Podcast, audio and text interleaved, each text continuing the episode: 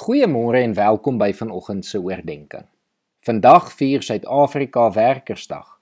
'n Publieke vakansiedag om dankbaar te wees oor almal wat in Suid-Afrika werk om dinge aan die gang te hou. Werkersdag het 'n lang en 'n besonderse geskiedenis wat terugstrek tot en met 1886, selfs in Amerika en Kanada. En hier op Werkersdag is dit 'n goeie dag om weer opnuut na te dink oor ons rol in God se koninkryk. Om vandag op Werkersdag weer te besef, elkeen van ons is werkers in God se koninkryk en elkeen van ons het 'n rol om te vervul. Om aan 'n identiteit as werker of dienskneg van Christus vas te hou en dit uit te leef, is 'n besonderse en 'n belangrike roeping vir elke gelowige. Ongelukkig is hierdie in stryd met wat die wêreld verkondig. Die wêreld minag eintlik diensbaarheid en mense wat ander dien, die werkersklas, word oor die algemeen as 'n laer klas beskou. Dit is nie gesogte werk om iemand anders se dienaar te wees nie.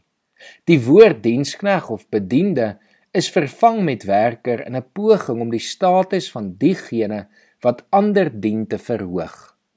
Ons is ook geneig om te verkies dat ander ons dien. Die moderne lewe plaas die klem op mense se ego en status.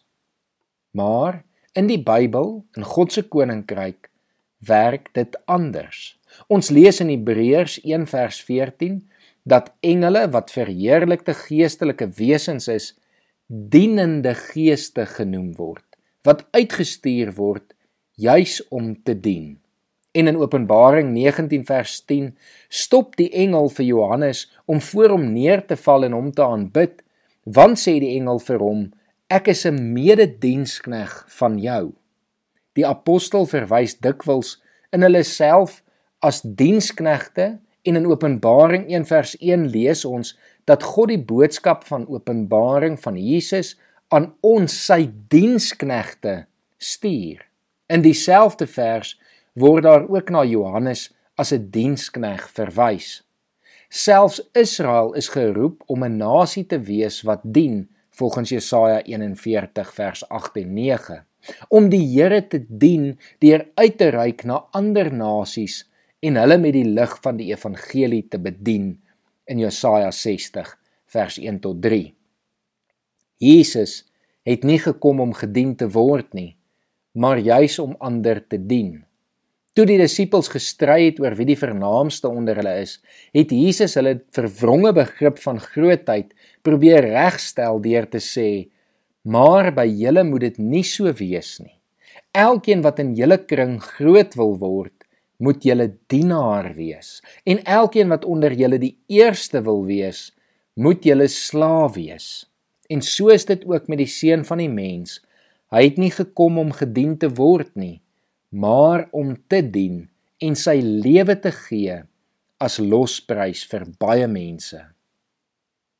Toe Maria Jesus se voete met die kosbare nardesolie gesalf het en sy voete met haar hare afgedroog het, was Simon die Fariseer verontwaardig omdat Jesus hierdie diensmaagd vanuit die lae klas toegelaat het om dit te doen.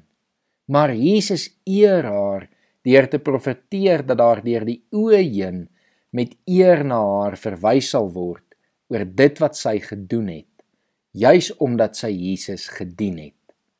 Jesus self was dan ook later sy disippels se voete om verder vir hulle te leer wat dit beteken om ander te dien. Nie een van ons is groter as Jesus nie. En as ons eerlik is dat ons hier is om hom te volg en hom te dien moet ons sy voorbeeld van diensbaarheid navolg en ook ander dien. Natuurlik het elkeen van ons verskillende gawes en is elkeen van ons geroep om dalk op 'n ander plek of op 'n ander manier mense te dien. Maar nogtans het elke gelowige die roeping gekry om te dien.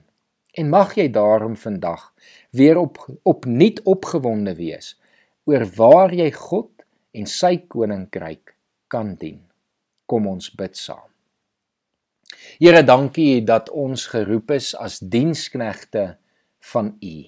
Here, dankie dat ons deel kan hê van u koninkryk en saam kan werk om u koninkryk uit te bou.